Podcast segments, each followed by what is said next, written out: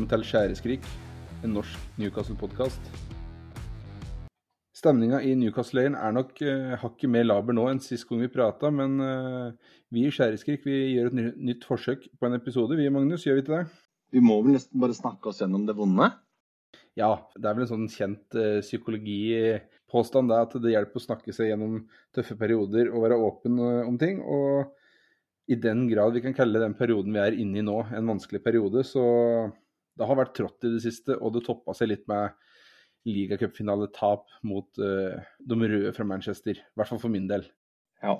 Vi snakka jo om uh, å spille inn en episode forrige uke. Da kjente jeg at det, det var uh, liksom litt for tungt og litt for nært. Og litt for lite motivasjon som, som, lå der.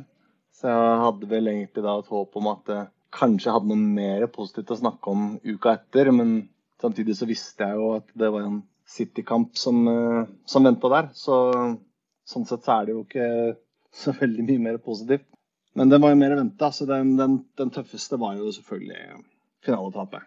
Ja, og jeg, jeg, tror nok ikke det var så veldig mange som hadde forventa seier, men som vi, som vi prata på i forrige episode, var vel at når det er en finale, så er det form og mye sånt kan egentlig bare kastes ut av vinduet.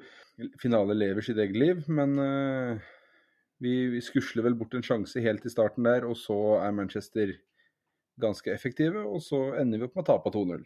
Jeg er enig. Jeg syns vi starter kampen forholdsvis eh, greit. Vi har, noen muligheter her, men, men, det er jo det som er utfordringen nå. Da. Vi har jo vi har stadig vekk uh, Vi har målsjanser, men eh, effektiviteten er jo helt Eh, helt borte. Og en skjønte vel ganske kjapt sånn da i den finalen at eh, ja, når ikke vi måtte sette mulighetene våre, så gjør vi det mye, mye vanskeligere for oss selv.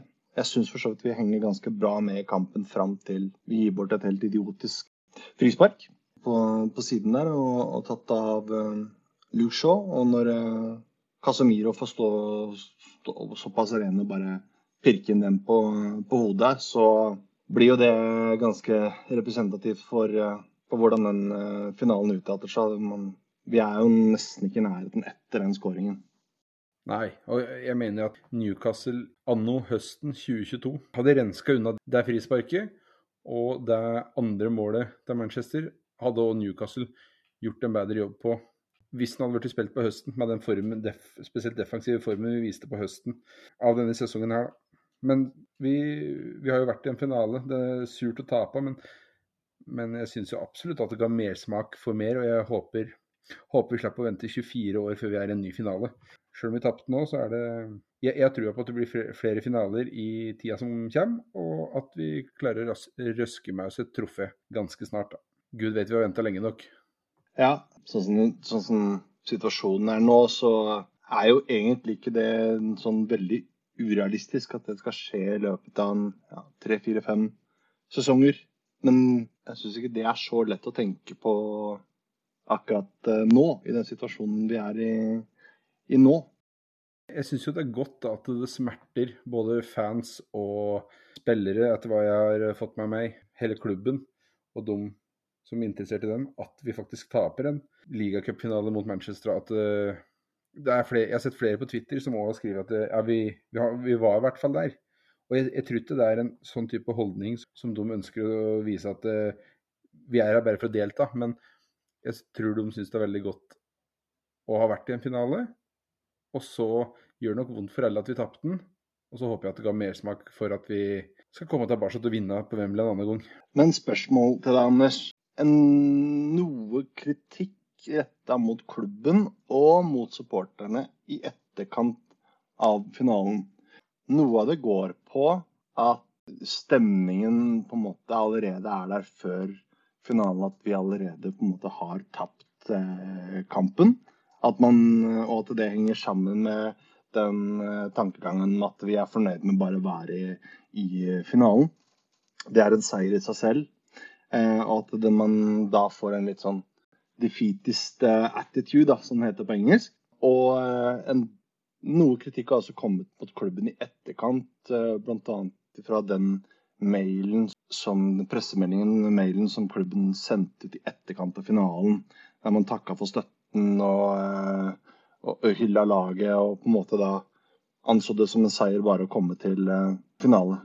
En del retter det som en litt sånn feil innstilling mot uh, sånne kamper, og at det er en av årsakene til at Manchester vinner.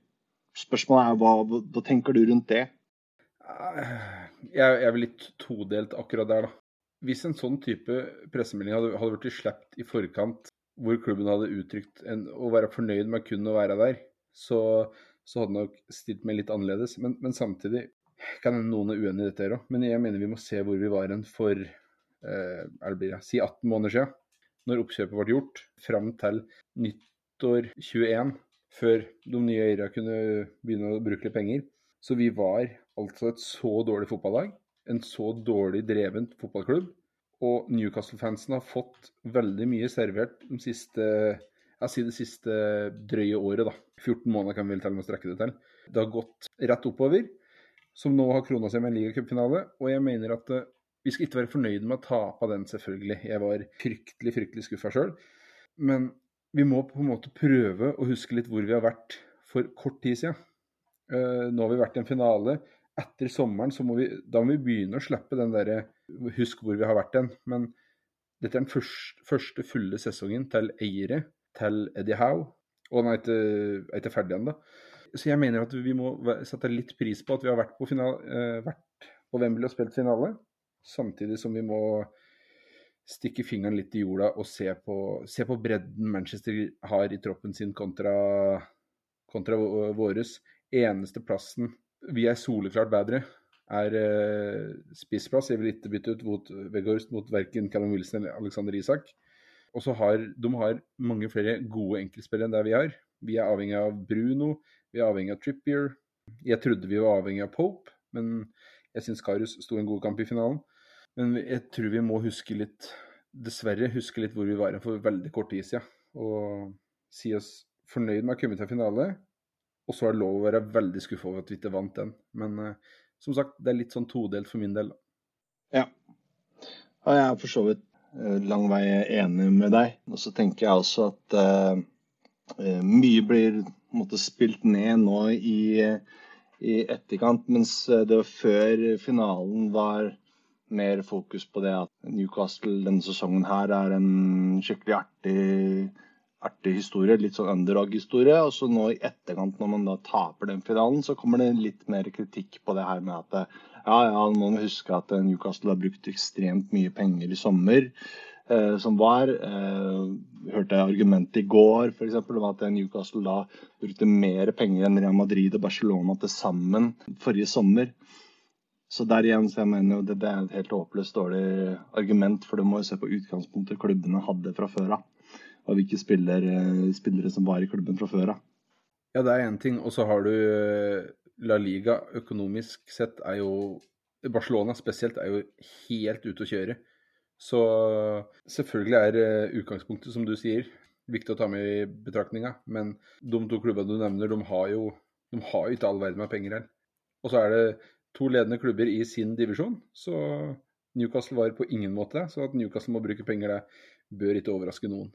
Nei, også hvis du ser opp mot uh, Manchester uh, sitt lag, og hvis du ser spiller for spiller, verdi, altså um, innkjøpsverdi på Manchester, så er det nok ikke tvil om hvilke av de lagene som har brukt mest penger på, på spillere. Så um, hadde det gått andre veien, så hadde det ikke vært noe tvil om at det var, hadde vært en uh, skikkelig underdog, underdog-seier. Nei, og så er det jo veldig typisk engelske medier å snu seg dit vinden blæser. Altså, som du sier, hadde Newcastle vunnet, så hadde, hadde pipa hatt en helt annen lyd. Men, eh, men nå vant vi til og det, som sagt, det er fryktelig skuffende. Den søndagen var jo en eneste gigantisk nedtur for min del, som du vet. Ja. Kan ikke du fortelle litt om det, Anders? Jeg, jeg vet ikke om jeg har så lyst til å fortelle om det, men uh, jeg bor på Raufoss på Toten. Og vi dro derfra, jeg lurer på om det var rett før klokka to på natta. Flyet gikk halv ti fra Sandefjord, men jeg tenker at OK, vi er ute i god tid. Og så tar vi det veldig piano. Så vi var jo da framme på Torp lufthavn Sandefjord i jeg lurer på om det var tre timer før avgang, i hvert fall. Veldig liten og søt flyplass, så vi var jo gjennom sikkerhetskontrollen på ett minutt. Så vi hadde jo all verdens med tid. Og så begynner klokka å nærme seg avgang. Vi går gjennom boardingkontroll der, og så står vi bare og venter på flyet. Flyet lander, eh, ti minutter forsinka. Vi står i trappa, skal bare slippe ut døra og inn på flyet. Og så kommer det beskjed over eh, høyttaleranlegget om at det har vært et såkalt bird strike, og at flyet blir forsinka. Bird strike er da at eh, det har kommet, har flydd en fugl inn i motoren på flyet. Så da må det komme en tekniker og se på, se på flyet og godkjenne det for videre ferd. Men eh, med min flaks så er jo ikke teknikeren fem minutter unna. Han befinner seg da i Bergamo, Italia, så han må flys inn. Jeg lurer på om det er rundt klokka tolv eller ett, så bestemmer vi oss, jeg og søstera mi som skulle dra over, eh, vi bestemmer oss for at eh, vi rekker verken shopping eller kamp eller noen ting. Vi skulle da hjem igjen dagen etter. Så vi drar eh, Vi setter oss inn i bil, og så reiser vi igjen, rett og slett. Og idet jeg går inn på O'Learys for å møte i Oslo for å møte noen Newcastle-supportere der, så får jeg melding om at flyet, flyet, drar, og da er det altså seks timer forsinka. Så det var, det var smart å dra igjen når vi gjorde det, men nei, det var, det var, en så enorm nedtur at uh, den søndagen var rett og slett smertefull for min del. Ja, det, det høres ut som, som representativt for hele, hele dagen. Da. Eh, men jeg syns det høres veldig hyggelig at du faktisk eh, rakk kampen i Oslo og fikk sett den med noen eh, norske Jordis. Ja, stor takk til Bjørn Vestblad der, som ba meg om å stoppe innom på Lyris. Jeg hadde absolutt ikke lyst til å møte noen som helst. Fruen tilbød meg å se kamp at hun. Jeg sa at jeg hadde ikke lyst til å møte eller prate med noen i dag, men humøret bedra seg litt, og jeg stoppa i Oslo. og Vi satt vel en fire-fem Newcastle-supportere der og så kamp. Blant annet han som har navngitt podkasten vår. Så det, ble, det var hyggelig, sjøl om kampen var dårlig. Men, eh, eller ikke gikk i vår favør. Så det er ikke ofte jeg ser kamp med andre Newcastle-supportere, så en lit, bitte liten opptur på en ellers uh, helsvart dag. Og det var eh, akkurat det jeg ville nevne som min store opptur eh, den dagen òg. jeg bor jo i Skien, vi har et veldig lite, nesten ikke eksisterende Newcastle-miljø. Men jeg har da en eh, kamerat som jeg ser kampene en gang iblant, som vi hadde booka bord eh, sammen med, med noen eh, Manchester United-supportere. Men på den O'Learysen jeg var på da, så er det første gangen der jeg har sett opptil to, tre, kanskje fire stykker sittende og forberede seg til kamp med Newcastle-drakt. Det er utrolig hyggelig å bare kunne gå rundt inne på en pub og bare komme med sånne små hils og nikk til eh, andre, andre Newcastle-supportere i, eh, i Skien eller i Norge. Og jeg, faktisk så lite her at jeg trodde jeg visste hvem alle Newcastle-supportere i Skien er, men det gjorde jeg tydeligvis ikke. det. Så det var jo en, en, en liten opptur der fram til sånn halvtime inn i kampen. Da var det liksom ikke så veldig Da var det ikke så gøy litt mer. Jeg, jeg vurderte faktisk å ringe deg òg, men jeg visste, at du hadde noen kompiser og sånn du skulle se kamp med. Så vi, vi to får ha den kampen til gode hvor vi ser en kamp sammen. Men uh, det er hyggelig å se kamp med andre Newcastle-supportere. Det, det, er det så absolutt. Men før vi går videre, jeg har bare lyst til å spørre deg, det var jo mye spenning knytta til eh, Loris Karius foran denne finalen der. Og når Karius ble signert for klubben, så gikk jeg en hel skjæreskrik-episode ved å kalle det for Marius. For min del så er det det Karius har utrettet i Newcastle før finalen, er at han fikk meg til å kalle det for Marius, eh, og ikke Magnus. En hel episode. Men har du noen tanker om kampen til Karius, den, eh, den finalen?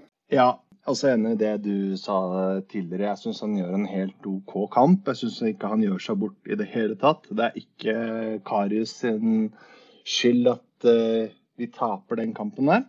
Så for hans del så får jeg håpe at det betyr at han uh, viser seg frem for andre klubber. Og om fremtiden hans ligger hos oss eller om den ligger hos uh, andre klubber, jeg, jeg, tror ikke den ligger hos oss på lang sikt. Men så må den nevnes. Det føler jo også mens vi ser kampen, og i etterkant, at eh, han kunne gjort det litt bedre på skåring nummer to. Så er jeg klar over at hvis vi ser på reprisen her, så er det en ball som eh, går via beinet til eh, Sven Botman og skifter retning. Jeg mener allikevel at hvis eh, Karius står litt mer på står litt mer rakt oppe, så er det en ball som det skal være mulig å ta. Men det kan kanskje du som gammel keeper svare bedre på enn meg. Jeg fritar Karius for all skyld der, fordi skuddet kommer lavt nede. Skal prøve å huske situasjonen riktig. Kommer lavt nede, han er på vei ut med beina for å gjøre en beinparade. Og når du på en måte allerede har gjort det utfallet med å prøve å sette i gang med en beinparade, så er det så å si umulig å få festa og komme seg opp og ta denne ball. Eh, for han går vel under Botman, men, men treffer jo Botman, da og skifter retning totalt. Jeg har sett flere folk både på Twitter og på O'Learys under finalen som ga Pope, nei, Karius skylda for den, men uh, jeg, jeg syns uh, det er ekstremt vanskelig å få gjort noe bedre enn Karius gjør, fordi han har på en måte allerede forberedt seg til å gjøre én redning, og så skifte boll uh, skifte både retning så, så fort uh, før han går i mål. Det er ikke sikkert alle som er enig med meg, men jeg fritar Karius for den uh, baklengsen der. Da syns jeg jeg får bli enig, jeg òg, og si at det vi sjæleskrik fritar eh, Karius. Men, men, jeg har jeg har sett um, Jeg lurer på om det var Inter Milan som Karius ble linka til, og de var interessert i å hente han i sommer. Jeg håper egentlig at Karius har en framtid i Newcastle, men det blir jo selvfølgelig ikke som noen annen enn andre keeper. Hvis Karius går til en klubb som f.eks. Inter Milan i Italia, så kan det nok gi muligheter for mer spilletid. Men eh, jeg, jeg håper Karius får et lite løft etter oppholdet i Newcastle, hvis han velger å gå videre. Og eventuelt finnes en klubb han kan være førstekeeper i, eller en andre keeper som spiller relativt ofte. Det er unn igjen, så absolutt. Ja da, det er jeg enig i. Jeg syns også jeg er en keeper som egentlig er såpass god at han ikke fortjener å sitte som tredjevalg i en, en Premier League-klubb, men eh, heller burde være en klubb med mer spilletid på, på, på sikt. Og jeg, jeg, ser ikke for meg han blir noe mer enn et tredjevalg hvis han blir værende hos oss. Men nå Nok om finalen, holdt jeg på å si. Vi, vi taper den 2-0.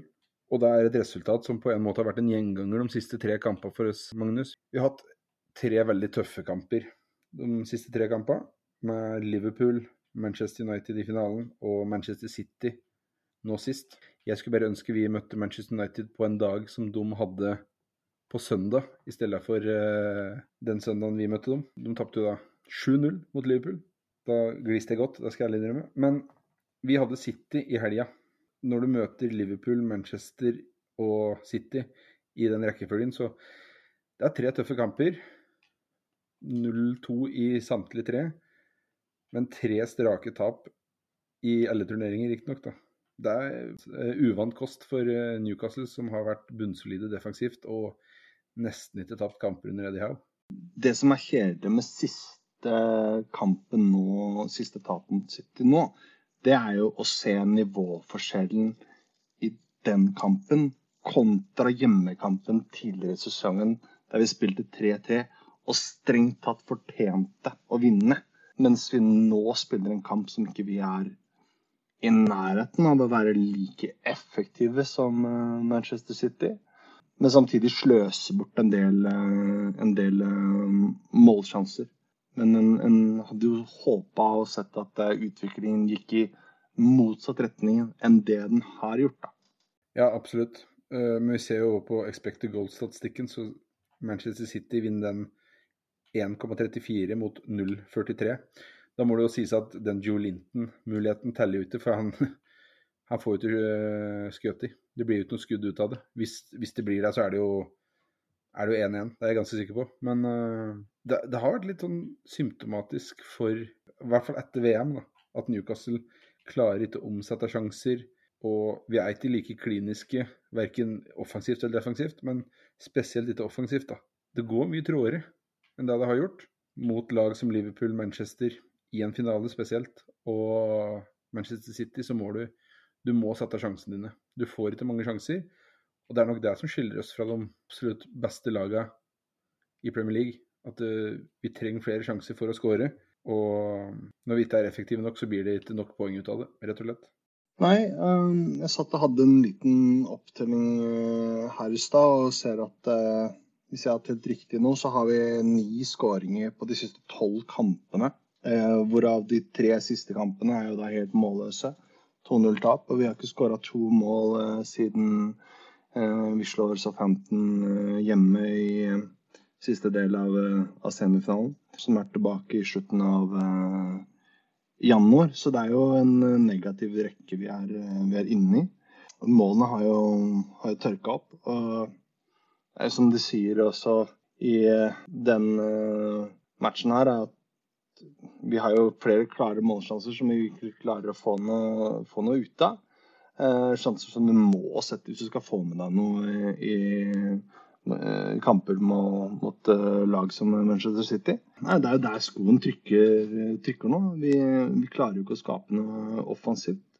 Og Der igjen så kan jeg jo spørre deg om er det et problem nå at det her virker å være såpass lite risikovillig til å gjøre noe særlig endringer eh, på den offensive delen. Jeg ser flere som skriker etter at Isak skal starte kamper foran eh, Wilson, og Amiron er inne i en tørkeperiode. Ja, jeg skal være litt forsiktig med å Det kan hende jeg har sagt noe annet før, men Almiron ser jo selvfølgelig ikke like farlig ut nå som han gjorde første halvdel av sesongen. Nå ser den ut som en ja, nesten mer en ulempe enn en fordel å ha. Vi har fått Jeg skal bare ta med lyttespørsmål fra Osvald, onkel Osvald på Twitter. Hvorfor er House så konservativ når det gjelder startoppstilling? Vi ser jo allerede at det ikke fungerer, og når andre Isak byttes inn, endres kampbildet. Jeg vil se Isak og Sant Maximin fra start. Jeg har lyst til å gi Eddie Howe litt sånn free pass på, på den fram til nå, fordi eh, Isak var jo skada nesten hele høsten. Var tilbake rett etter VM. Sam Maximin har vel slitt litt med diverse skader. Nå begynner de to å få en del minutter i beina. Nå begynner folk å bli litt utålmodige. Kanskje ikke helt rettferdig, men nå tror jeg folk forventer å få se litt forandringer i startoppstillinga. Og jeg tenker at Eddie Howe har ingenting å tape på det, fordi det, det går så trått. Almiron har blitt ekstremt forutsigbar. Jeg, jeg, mener jo fortsatt at den var forutsigbar før, når han hadde den derre purple patch, som engelskmennene kaller det. Den eh, gode streaken sin. Men uh, da var han effektiv, selv om han var forutsigbar. Nå er det veldig forutsigbart at han trekker inn på venstre, venter på Trippy kommer på overlapp. Og det er veldig enkelt å forsvare seg mot. Callum Wilson syns jeg leste noe om at han hadde fått noe covid enten under VM eller rett etter. Som uh, om han sliter med noen ettervirkninger eller lignende av det. Det skal ikke jeg si noe om, for det vet jeg ikke. Men eh, Callum Wilson har jo ikke sett ut som en uh, Premier League-fotballspiller i 2023. Det er kanskje litt strengt sagt, men Osvald nevner at uh, når Isak kommer inn Vi så det mot Southampton på St. Mary's i ligacupen. Vi har sett flere tilfeller. Når han kommer inn, det blir et helt annet sprut over laget. Og jeg òg vil se Isak og San Maximin fra start. Jeg tror fortsatt at San Maximin blir solgt i sommer. Det føler jeg meg ganske sikker på. Men la nå gutten få muligheten til å enten spille seg opp i verdi fram til sommer, eller la han få kjempe for å beholde plassen. Vi har ingenting å tape på det. Callum Wilson gjør 50% av det han har gjort før. Almiron har blitt uh, avkledd i kamp etter kamp etter kamp. Så Isak, San og Target da, har jeg lyst til å se inn i laget snart. Ja, så, men så spørs det akkurat på, på Almiron. da, Hvor mange alternativer har vi der på høyre kant? da, altså Som naturlige høyre kant-spillere. Det er jo en, eh, en, utfordring. Nå ser vi jo at Eddie House starter eh, Anthony Gordon, som jeg syns egentlig var uh, fint å se sist nå mot, eh, mot, Manchester City, men da blir jo eh, Maximin eh, beordra ned til, eh, til, benken igjen. Som betyr at han kommer jo aldri i gang og får en rekke med, med kamper eh, i beina. Han får jo ikke den tilliten eh, som han virker som han har litt behov for, altså Maximin. Nå er vi tvunget til å gjøre endringer kommende helg, fordi vi har Joe Linton ute med to kampers suspensjon etter at han har fått pådratt seg nå ti gule kort, er det vel? Så der må det bli noen endringer. Akkurat hvordan det vil seende ut, det blir jo, det blir jo gjenstår å se. Ellers er jeg jo helt enig med deg at har man en spiller som Alexander Isak eh, på benken eh, når eh, Callum Wilson ikke leverer eller ser spesielt målfarlig ut, så virker det jo veldig rart å ikke benytte seg av den muligheten. Samtidig nå som man nesten ikke har noe å, å tape. Nå kommer det en kamp nå som man nesten bør vinne, uavhengig av eh, hvem du starter på, på topp, spør du meg. Eh, men da har du i hvert fall en glimrende mulighet til å gi eh, spilletid fra start til spillere som f.eks. både Isak og Sant Maximin igjen. Og jeg er veldig motstander egentlig av det å øh, kaste spillere under bussen så fort de gjør én dårlig kamp. Men jeg syns jo som sagt at øh, Miguel Almiron har vært direkte svak i lang periode nå. Callum Wilson har som sagt ikke sett ut som seg sjøl etter VM. Og jeg, har heller ikke lyst til å være altfor kritisk til Eddie Howe, øh, men jeg mener det må være, gå an å stille spørsmålstegn, sånn som enkelte gjør her. Hvor lenge skal du la spillere få muligheten? Fordi vi har skåret veldig lite mål etter VM. Jeg lurer på om det var seks mål på ni eller ti Premier League-kamper. Og vi trenger å få i gang angrepet vårt igjen. Jeg tror vi kunne ha brukt Sam på høyre kant. Mange mener at han ikke kan spille det, men han har gjort det før med blanda hell for Newcastle. Men jeg, mener at uh, vi er nødt til å skifte om på ting. Nødt til å gjøre endringer. Flytter vi Maximin over på høyre, så vil det skape ubalanse for Kieran Tripper, tenker jeg. Men, men, men, da er du nødt til å kreve mer av defensiv midtbane og indreløpere for for å få ting til å stemme og henge sammen. Jeg, jeg syns vi blir veldig skadelidende av å ha en høyre kant som ikke produserer sjanser eller målpoeng. Vi har en venstreback som bidrar null i det offensive spillet. Han er midtstopper, så det er greit nok, det. Men vi blir veldig forutsigbare, og det er, det er enkelt å spille mot Newcastle. Newcastle sliter med å skape sjanser fordi motstandere tar ut Bruno, tar ut uh, Trippier, og da har vi lite å komme med bruker vi San Maximin, som jeg mener hadde en kjempekamp mot uh, Liverpool. Han var ganske god mot Manchester òg, hvis jeg husker riktig, i finalen. Så er vi i hvert fall mer uforutsigbare. Vi trenger den uforutsi uforutsigbarheten for å skape sjanser. For kvaliteten i troppen er for lav. Så jeg støtter dem som er, har lyst til å se Isak og Sam Maximin fra start. Gjerne med Gordon sammen med de to. Så er det akkurat det når du, når du nevner det her med, med Eddie Howe. Jeg tror nok han har ganske mye å gå på. Men ikke veldig mye lenger hvis man fortsetter på en måte i samme stimen som man er i nå. Så er det Det er som alltid eh, de siste kampene som man, som man husker. Fotball er eh, resultatorientert eh, idrett som handler veldig mye om det som skjer, skjer her og nå. Jeg tenker på, på sikt nå, hvis det skulle ende med at man havner helt utenfor en Europaliga, Conference Liga-plassering eller diskusjon det hele tatt, så vil nok utvilsomt eh, andre del av sesongen bli sett på som en enormt stor skuffelse. Sett opp mot, eh, mot eh, den plasseringen vi har, vi har ligget på. Så jeg tror at han er avhengig av å bevise at han er rette mann som klarer å snu en, en, negativ trend også. Jeg har som sagt enormt stor respekt for Eddie Howe, og har, jeg har full tiltro til han. Det er noen spørsmålstegn som blir under den dårlige perioden vi er inne i nå.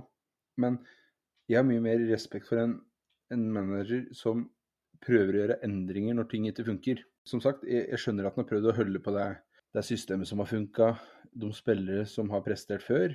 Men nå beviser det seg at det ikke funker. Vi er, begynner å komme i poengnød i forhold til Europaligaplasser. Vi må begynne å vinne kamper. Vi kommer innom de neste fire etterpå, men der er det kamper som bør og kanskje må vinnes.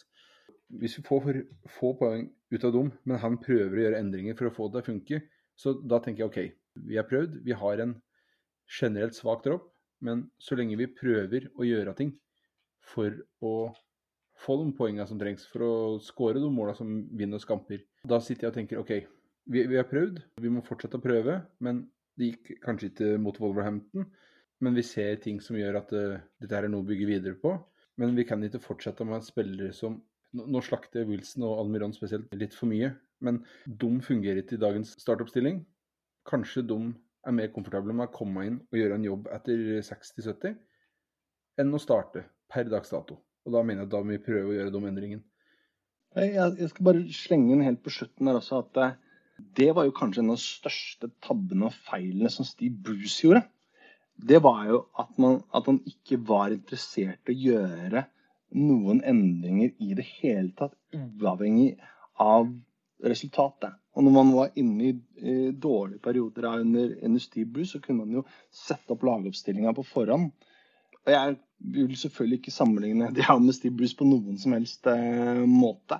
Men jeg tenker det er jo det som skiller Clinton fra hveten når det kommer til eh, topp, topp eh, managere. Det er den evnen til å klare å snu en motgang til noe positivt igjen. Gjøre de, gå inn og gjøre de endringene som man ser må til for å få det her til å fungere. Og ikke bare se på samme oppskriften som det som funka for eh, seks måneder siden eller eh, to måneder siden, eller hva det, hva det skal være. Jeg er helt overbevist om at han har det i seg. Men jeg håper vi får se det snart. Ja, for jeg, for jeg tror nok òg fansen begynner å bli litt utålmodig. Men hvis vi skal se inn mot de neste fire kampene, Vi skal ta dem at vi har Wolverhampton hjemme nå til helga. Vi har Forrest borte. Og så kommer det landslagspause. Vi møter eh, Manchester United etter landslagspausa hjemme og Westham borte. Og sånn umiddelbart så, så vil du jo tenke at dette her er eh, kamper vi bør få ni poeng, kanskje til og med ti poeng. Manchester United hjemme som den vanskeligste kampen. Det er veldig vanskelig å se hvor Newcastle ligger i forhold til disse her. fordi både Wolverhampton, Nottingham Forest og Westham er jo veldig uberegnelige lag. Newcastle er inni inne i en formtupp de luxe. Og så i hvert fall jeg begynner å føle meg mindre og mindre sikker på seier i disse kampene her. da. Jeg, jeg tror vi kommer til å ta én seier, mm, i hvert fall i disse fire. Jeg håper på ni poeng. Fordi det er lag vi egentlig skal slå, hvis du ser på tabellen. Men uh, jeg, jeg, tenker at Eddie Howe har disse fire kampene her på på en måte uh, Han skal få mer tid enn det, selvfølgelig. Jeg prøver å trytte om å bytte manager her. Men Eddie har, har disse fire kampene på en måte prøve å få inn Vise at den er villig til å gjøre om på ting. og få noen resultater, for det trenger vi sårt. Hvis ikke så kan vi fort begynne å bli veldig bekymra for en europacupplassering, altså. Ja, som du sier, de neste kampene nå, altså i hvert fall en kamp hjemme mot Wolverhampton, som ikke er noe veldig sterkt bortelag, i hvert fall, er jo Nå skal man være forsiktig med å begynne å snakke om must win-kamper, som man gjorde fjorårssesongen med tanke på nedrykksstrid. Vi er ikke der, men skal man være med i i hvert fall kampen mot en fortsatt europaplass, så er det klart at eh, en hjemmekamp på Wolverhampton det er noe man bør ta tre poeng i. Det er en perfekt mulighet til å snu skuta nå og komme inn eh, litt mer på positive takter. Og gjerne da med mer enn én scoring også, for å se at det er mulig å hente tilbake den selvtilliten. Eh, den selvtilliten Med tanke på kampene som kommer etter det, så er det i hvert fall eh, Forrest og Manchester United er jo fortsatt formlag, da. Forrest er jo på vei oppover på tabellen. En, en bortekamp der i Nottingham, det, det er jo ikke nødvendigvis en enkel affære akkurat som situasjonen er nå. Westham borte bør egentlig ikke by på de store problemene. Det er ikke enkle bortekamper i, i, i, Premier League, men uh, det er i hvert fall ikke et lag man på en måte forventer å, å tape mot. Altså, David Moyes er vel i hvert fall ikke en, en av de sikreste jobbene i Premier League akkurat nå. Nei, jeg spådde jo at David Moyes kom til å få sparken før vi møtte dem tidligere. Nå husker jeg ikke helt når den kampen var, men han har jo beholdt jobben. Men det går jo rykter nå om at de ser på erstattere for David Moyes. Så det er jo ikke brått sikkert at han er manager for Westham når eh, vi møter dem i april. Den kampen nå er jo, som, som, du sier, det er jo en kamp vi i utgangspunktet skal vinne. Men plutselig bytter de manager i landslagspausa, og så får de en ny managereffekt. Og så blir den kampen mye tøffere enn den eh, ser ut som per dags dato. Da. Men eh, nei, jeg blir ikke overraska hvis vi står med ni, ni poeng etter 34 kamper, men samtidig så føler jeg Jeg føler meg litt tilbake som den gamle Newcastle-supporteren som vi er vant til. Hvor eh, du går inn i enhver kamp og frykter nesten frykter det verste. Og det er, det er ikke noe utakknemlighet verken overfor Eddie Howe eller eiere eller sånne ting. Det er bare klok av skade som gjør at uh, jeg gruer meg litt når vi går inn i kamper igjen. Men, når du da sier at du, du blir ikke overraska hvis vi sitter igjen med ni poeng etter de neste fire kampene, Eh, altså Bortsett fra hjemme mot Warhampton, da, så er jeg jo veldig nysgjerrig på hvilke andre kamper du tenker vi bør vinne. da. Tenker, tenker du tre seire ut av de fire, fire neste? Og, og, hvilke kamper tenker du da at vi bør vinne? Hvis vi får ting til å klikke at vi, hvis, vi, vi har jo sett det i hele høst. Laget er jo gode nok til å til å vinne fotballkamper. Vi må jo finne tilbake til den oppskriften. Men hvis vi får laget til å fungere igjen, så jeg mener jo at Wolverhampton, Nottingham Forest og Westham er jo faktisk kamper som vi bør vinne. Sånn som du ser ut per dags dato, holdt jeg på å si. Uh, ja, det, det, går trått for oss, men som du sier, hvis du skal være med og kjempe om Europa, så må du slå 14, 13., 14. og 16. plass på tabell nesten uansett hvor du møter dem, altså. Så jeg, jeg vet jeg er litt sånn selvmotsigende her i, i, forhold til at de sier at det, det, går trått og sånne ting, men isolert sett så er det Jeg mener at tre kamper vi skal vinne. Også Manchester United-kampen. Den er hjemme. Den er litt mer oppe i lufta hva vi egentlig skal forvente. Det blir en veldig tøff kamp. Men uh, hadde dette vært i høst, så hadde jeg nesten forventa minst ni poeng. Hadde det vært i høst, eh, så er jeg enig med deg. Per nå, i den situasjonen vi er i nå, så tenker jeg at det skal vi få med oss seks mellom seks og syv poeng fra de neste fire kampene, så skal jeg være strålende fornøyd. Jeg er strålende fornøyd med ni. Aksepterer absolutt seks poeng. Men uh, igjen, altså Wolverhampton bør slås. Nottingham Forest er ekstremt opp og ned. Kan nok være den vanskeligste bortekampen av uh, de to der. Jeg mener vi bør kunne gå inn i tre, i hvert fall tre av disse kampene der og tenke at her bør det bli seier. Det, det, bør det, men jeg kan også se, jeg kan, jeg kan også se muligheten her for at vi kan spille bra fotball, komme litt tilbake i rette trakter, men allikevel bare da klare eh, uavgjort mot eh, både Wolverhampton, eh, Forest og Westham. Og den eh, Manchester United-kampen her tenker jeg i hvert fall ikke skal forvente seier på, på forhånd.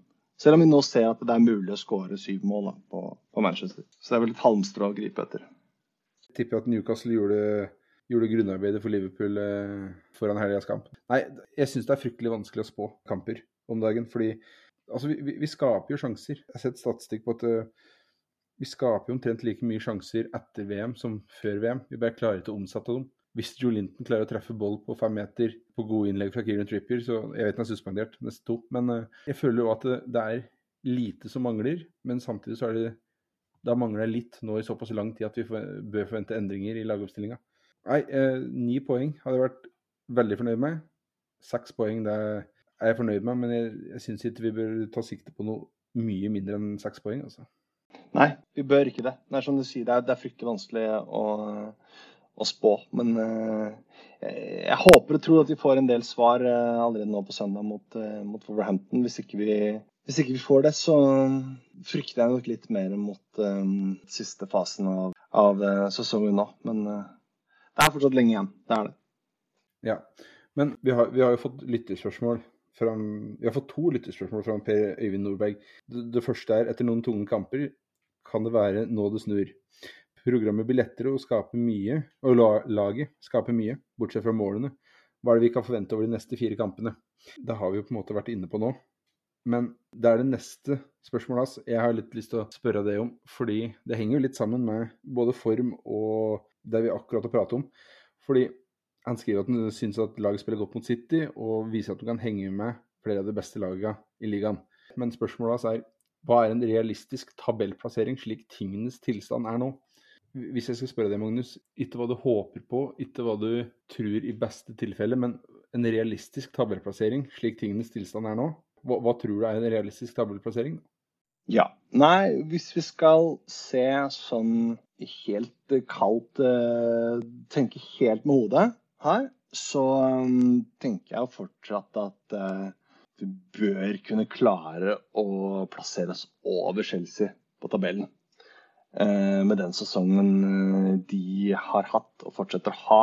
Så sånn sett tenker jeg jo at eh, minimum da topp ni da bør være fullt mulig, selv om man er inne i en dårlig stim nå, og selv om den dårlige stimen fortsetter i et par uker eller en måned til. Noe lavere enn det tror jeg faktisk ikke at vi, vi vil havne. Og så samtidig sånn Hvis vi fortsatt ser realistisk eh, på det, men per nå så tenker jeg noe av det bedre vi kan håpe på igjen. Da tenker jeg jo egentlig rundt den plasseringen vi har nå, femte-sjette plassering. Um, for jeg, jeg, jeg, ser ikke for meg nå at Liverpool går på enda en ny sånn kjempesmell der, eh, der hele sesongen deres snur nå, og, og, de kommer inn i en dårlig stim igjen, da, da tror jeg eh, er for sent nå. Jeg tror eh, deres sesong har, har snudd mot det, bedre nå, og at eh, de får en god avslutning mot, eh, mot slutten av sesongen. Så tenker jeg heller at eh, med Tottenham, eh, et lag det, du aldri vet, det er jo totalt uforutsigbart. Så jeg, jeg, ser ikke på som totalt umulig heller at vi, at vi havner over det laget. Men ehm, ja, du får, du får komme med, med din uh, prediksjon også. Jeg tror vi kaper en Europa Eller si en topp sju, da. Det, det, må være realistisk. Jeg ser, eh, sitter og ser på tabellene, og Fulham, som ligger på plassen bak oss, har to poeng mindre, to kamper mer. Men så har du Brighton, som ligger tre poeng bak, med én kamp mindre. Du nevner Chelsea. De tror jeg er ja, det, det, er klart.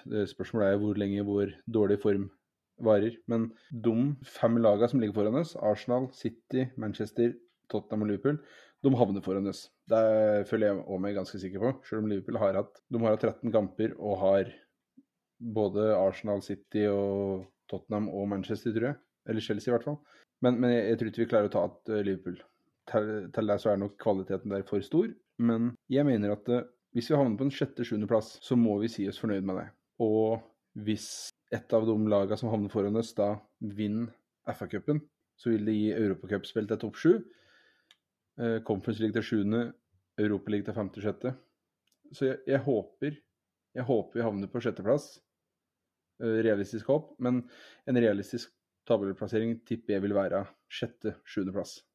Ja da, eh, enig med deg. Og så sitter du og tenker på at det føles ikke så lenge siden vi satt og snakka om eh, at det var nesten selvfølgelig at vi kom til å havne over, eh, havne over eh, Liverpool når vi satt og kikka på tøffe kampprogrammet de hadde ut uh, sesongen. Det føles ikke sånn nå lenger. Jeg sa det her tidlig i, i høst at uh, jeg trodde Liverpool kom til å snu. Jeg, jeg har helt sikkert sagt noe annet etterpå. Men uh, kvaliteten i Liverpool er for stor. Det er den for så vidt i Chelsea òg, men jeg tror ikke Chelsea kommer til å havne foran oss. Den største utfordreren vi har til sjetteplassen, slik jeg ser det, det, er, eh, det kan fort være Brighton. da. Brentford begynner, er jo en liten sånn dark horse der, men, eh, men Brighton kan melde seg på der. Eh, så håper jeg at Chelsea òg fortsetter litt sånn der i jojo-form og slår De kan godt slå de lagene rundt oss, og så havne bak oss. Vi har et lytterspørsmål til, vi. Fra Mikael Moped-Bart på Twitter. Vi har jo vært litt inne på det med spillere og det å rotere litt på spillere vi har. Men han, han sier at Jacob Murphy har hatt, en, har hatt, overraskende gode innhopp mot god motstand de siste kampene. Får han en ny vår i svart og hvitt? Har du noen tanker om uh, Jacob Murphy? ja, nei, jeg vet han eh, Jeg vet ikke om det er en spøk eller ikke. Jeg, nei, jeg, jeg tror overhodet ikke det. Jackie Murphy er en uh, veldig fin fyr. En veldig artig kar. Kommer alltid til å huskes for uh, uforglemmelig vink i semifinalen mot uh, Southampton her. Men bortsett fra det så mener jeg at Jacob Murphy er en veldig gjennomsnittlig Premier League-spiller som strengt tatt kunne fungert som en type squad player i ja, et, et, lag som ligger på midtsjiktet eller lavere del av midtsjiktet. Eller så langt ned som nedrykkskamplag i, i Premier League. Eh, muligens også eh, et OK eh, pluss eh, championship-lag. Eh, jeg har fortsatt ikke sett over tid at Jacob Murphy kan levere på det nivået som man på en måte bør forvente av en klubb som skal kjempe den øvre halvdelen av, av Premier League-tabellen. Altså, mye mulig Jacob Murphy skal fortsette i Newcastle flere år fremover, men jeg ser ikke for meg at det blir som noe annet enn en uh, squad player som kan spille cupkamper i ny og ne og, komme inn som innbytter mot, mot, slutten av noen få kamper. Men, uh, men, for å si det sånn, jeg tror, jeg tror han er lengre unna startoppstillingen neste sesong enn det han er nå. Jeg, jeg, tror Jacob Murphy forsvinner i sommer. Det, det føler jeg meg òg ganske sikker på. Hvis han gjør det, så håper jeg at Jacob Murphy går til Southampton. Sammen med han Sjaleta Kar, som han Ja, selvfølgelig må han det. Hvis Southampton rykker ned, eller blir verden for den saks skyld, så håper jeg de prøver å kjøpe Jacob Murphy. Og så hadde jeg hatt lyst til å være flue på veggen når han uh, går inn i, trenings, inn i garderoben der for første gang og hilser på kroaten Sjoleta Kar. Og det, det kunne vært spennende. Men jeg er faktisk der per nå at uh, Jacob, Jeg er helt enig med deg hva du sier. Jacob Murphy er ikke god nok for Newcastle og kommer nok heller aldri til å bli det. Men jeg har litt lyst til å se Jacob Murphy fra start i stedet for Almiron. Hvis vi ikke skal bruke Sam Maximin på høyre, hvis vi ikke skal bruke Anthony Gordon på høyre, så jeg, jeg, er faktisk litt enig med Michael i at jeg syns Jacob Murphy har gjort en god figur når han har kommet inn. Jeg skulle ønske at Eddie Howe viste litt at eh, OK, her er det ingen som er garantert noe plass i førsteelveren. Vi kan godt vente til Manchester United-kampen med å bruke den, men gi ham en mulighet. Han flyr veldig mye. Og hvis vi skal ta ut Almiron, som er en god bidragsyter defensivt for å hjelpe Kevin Tripper, så tenker jeg at uh, Murphy òg kan gjøre den samme jobben. Men offensivt er det en helt annen historie. Murphy er ikke god nok, men jeg syns det har vært interessant å se Murphy fått litt mer spilletid. Men for å svare Mikael på spørsmålet hans, så tror jeg nok nei. At uh, det blir nok ikke noen nyvår i Newcastle. Heldigvis. Eller dessverre. Heldigvis. Nei, det blir dessverre. Altså, jeg hadde håpa at han hadde fått en ny vår. Det hadde vært både positivt for han og, og klubben. Men jeg har særdeles liten tro på at det skjer. Han er jo Newcastle-supporter fra når han var liten, han, så det er, det, det er synd å eventuelt kvitte seg med sånne. Men vi har ikke noe rom for sentimentalitet i toppfotball i verden generelt. Så jeg tror og håper det er siste sesongen vi ser av eh, Jacob Murphy. Men uh, jeg syns det hadde vært interessant om vi kunne fått sett den litt mer.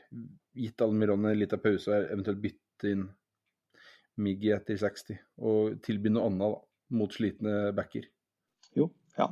Um, ja. Jeg tenkte jo på at uh, jeg er Newcastle-supporter selv, men det er ingen som vil se meg spille spiss uh, for det klubben. Det kan jeg, kan jeg love deg. Men jeg ser poenget ditt. Da, da svaret ditt eh, på spørsmålet ditt nei, Mikael. Er, ingen her tror at Jacob Murphy får en ny år. Dessverre lander vi på. Jeg, jeg syns det er artig å få en bitte, bitte liten quiz, da. Liten quiz helt på, helt på tampen. Og så skal jeg bare skyte inn at når jeg bruker så lang betenkningstid på disse quizene dine, så er det selvfølgelig for at våre kjære lyttere skal få muligheten til å tenke og finne på svaret sjøl. Det, det, er veldig kjedelig for meg om jeg bare spyr ut helt korrekt svar hver gang. Så den, eh, den, den tankepausen er selvfølgelig for å gi lyttere litt mulighet til å tenke sjøl òg. Ja, nei, klart. Jeg, jeg, tror de syns det er veldig artig å sitte og høre på stillhet i sånn fem minutter. Ja. Men uh, nei, den, den her uh, blir, blir, blir, sikkert en rein uh, gjetting. Men jeg bare sitter og ser på uh, siste ti møtene mellom Newcastle og, og Wolverhampton. Og det er jo ett resultat der som, som slår seg ut i stor grad. Så den første delen av spørsmålet er jo egentlig hvilket resultat er det Newcastle vanligvis spiller mot Wolverhampton i nyere tid? Det vet jeg. Ja. Jeg skal bare prate litt sånn for å gi lyttere litt betenkningstid sjøl. Det er vel et resultat som har skjedd de siste er det de siste fire eller fem kamper på rad? Ja, det er Neste del av spørsmålet er hvor mange, hvor mange av de ti siste kampene har vi spilt Har det havna det utfallet? Ja, da, da, skal jeg bare komme med litt andre, mer betenkningstid til uh, lytterne våre. Men jeg var og så Newcastle Wolverhampton på St. James' Park for en, noen år siden. Da tror jeg faktisk vi tapte 2-1. Men uh, Jeg vet at det resultatet du er ute etter, er 1-1. Ja, det stemmer. Og så hvor mange ganger det har skjedd på de siste ti møtene. Da Jeg tipper det har skjedd seks ganger på de siste ti møtene. Oi, ja, det var ikke dårlig. Ja. Nei, det, det stemmer faktisk, det. Så, Jeg gjør det. Jeg tror ikke det. Ja, jeg tror ikke du har rukket å være inne og, og google det heller. Det stemmer faktisk. Ja, du, du, du ser meg jo, du, så Ja, nei, men vi tar det som, tar det som et veldig, veldig godt, eh, godt eh, tegn nå. Enten så tar vi det som et tegn på at eh, det er lurt å, å spille 1-1 på, på oddsen, eller enda bedre på vår sesongkonkurranse på Twitter.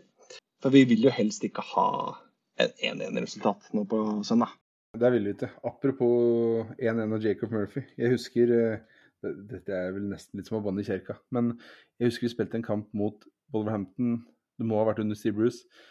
Hvor Newcastle blir pressa hele kampen av Wolverhampton. Eh, Jeg setter en eh, liten slant på oddsen på Wolverhampton-seier. Helt, helt på tampen. For å eventuelt døyve den skuffelsen som eh, skulle komme. Og rett etter setten så skårer Wolverhampton. Og på overtid så skårer Jacob Murphy på et frispark, eh, så, så den, eh, den røk. Så det var eh, det er derfor den har bitt litt i meg, den 1-1-rekka. Men eh, nei, vi Jacob Murphy kan gjerne skåre på, på overtid på søndag, da. Men eh, vi håper at det ikke blir 1-0 1-1 i hvert fall. Vi går for hjemmeseier. Ja da. Så da ble det blakk, men glad. Ja. Nei da, vi, vi, vi satser aldri mer enn vi har råd til. Nei, det gjør vi ikke. Og, og så vil jeg anbefale å ikke spille på at Manchester United snur kampen eh, når de ligger under 1-0 i pause mot eh, Liverpool. For det, det gjør det nemlig jeg. For jeg var veldig fornøyd med, med den oddsen som lå der. Men heldigvis ellers så spilte ikke jeg for mer enn jeg hadde råd til å tape. Det, er- derfor være lærepengen denne episoden her. Nei, men da, da gleder vi oss Jo, gjør vi det? Gleder vi oss til kamp om uh, søndag? Jo, vi gleder oss. Vi, vi, nå må vi avslutte på en opptur igjen. Vi, vi gleder oss til en kamp som vi kan og bør vinne, og der vi finner tilbake skåringsformen. Det trenger vi nå. Hvis jeg skal be deg om å spå et resultat eh, Du bør ikke tippe det samme i, konkurransen vår, men har du et resultat eh, du har lyst til å kaste ut? Da sier jeg 2-1. Vi skal vinne 2-1. Ja, jeg går for clean sheet på Nick Pope igjen. Så jeg går for 2-0. Nei, men det er greit. Vi har trua på seier. Vi, selv om det ikke har hørtes slik ut på undertegnede hele episoden, så nå, nå snur du, Magnus. Nå snur du. Nei, jeg følte det ble veldig, veldig, jeg følte det ble veldig, veldig negativt eh, preg, Ja. så nå måtte liksom, må vi prøve å være litt positive. Ja. Nei, men da har vi att bare én ting å gjøre, vi, Magnus. Og det er å si How are the lads? How are the lads?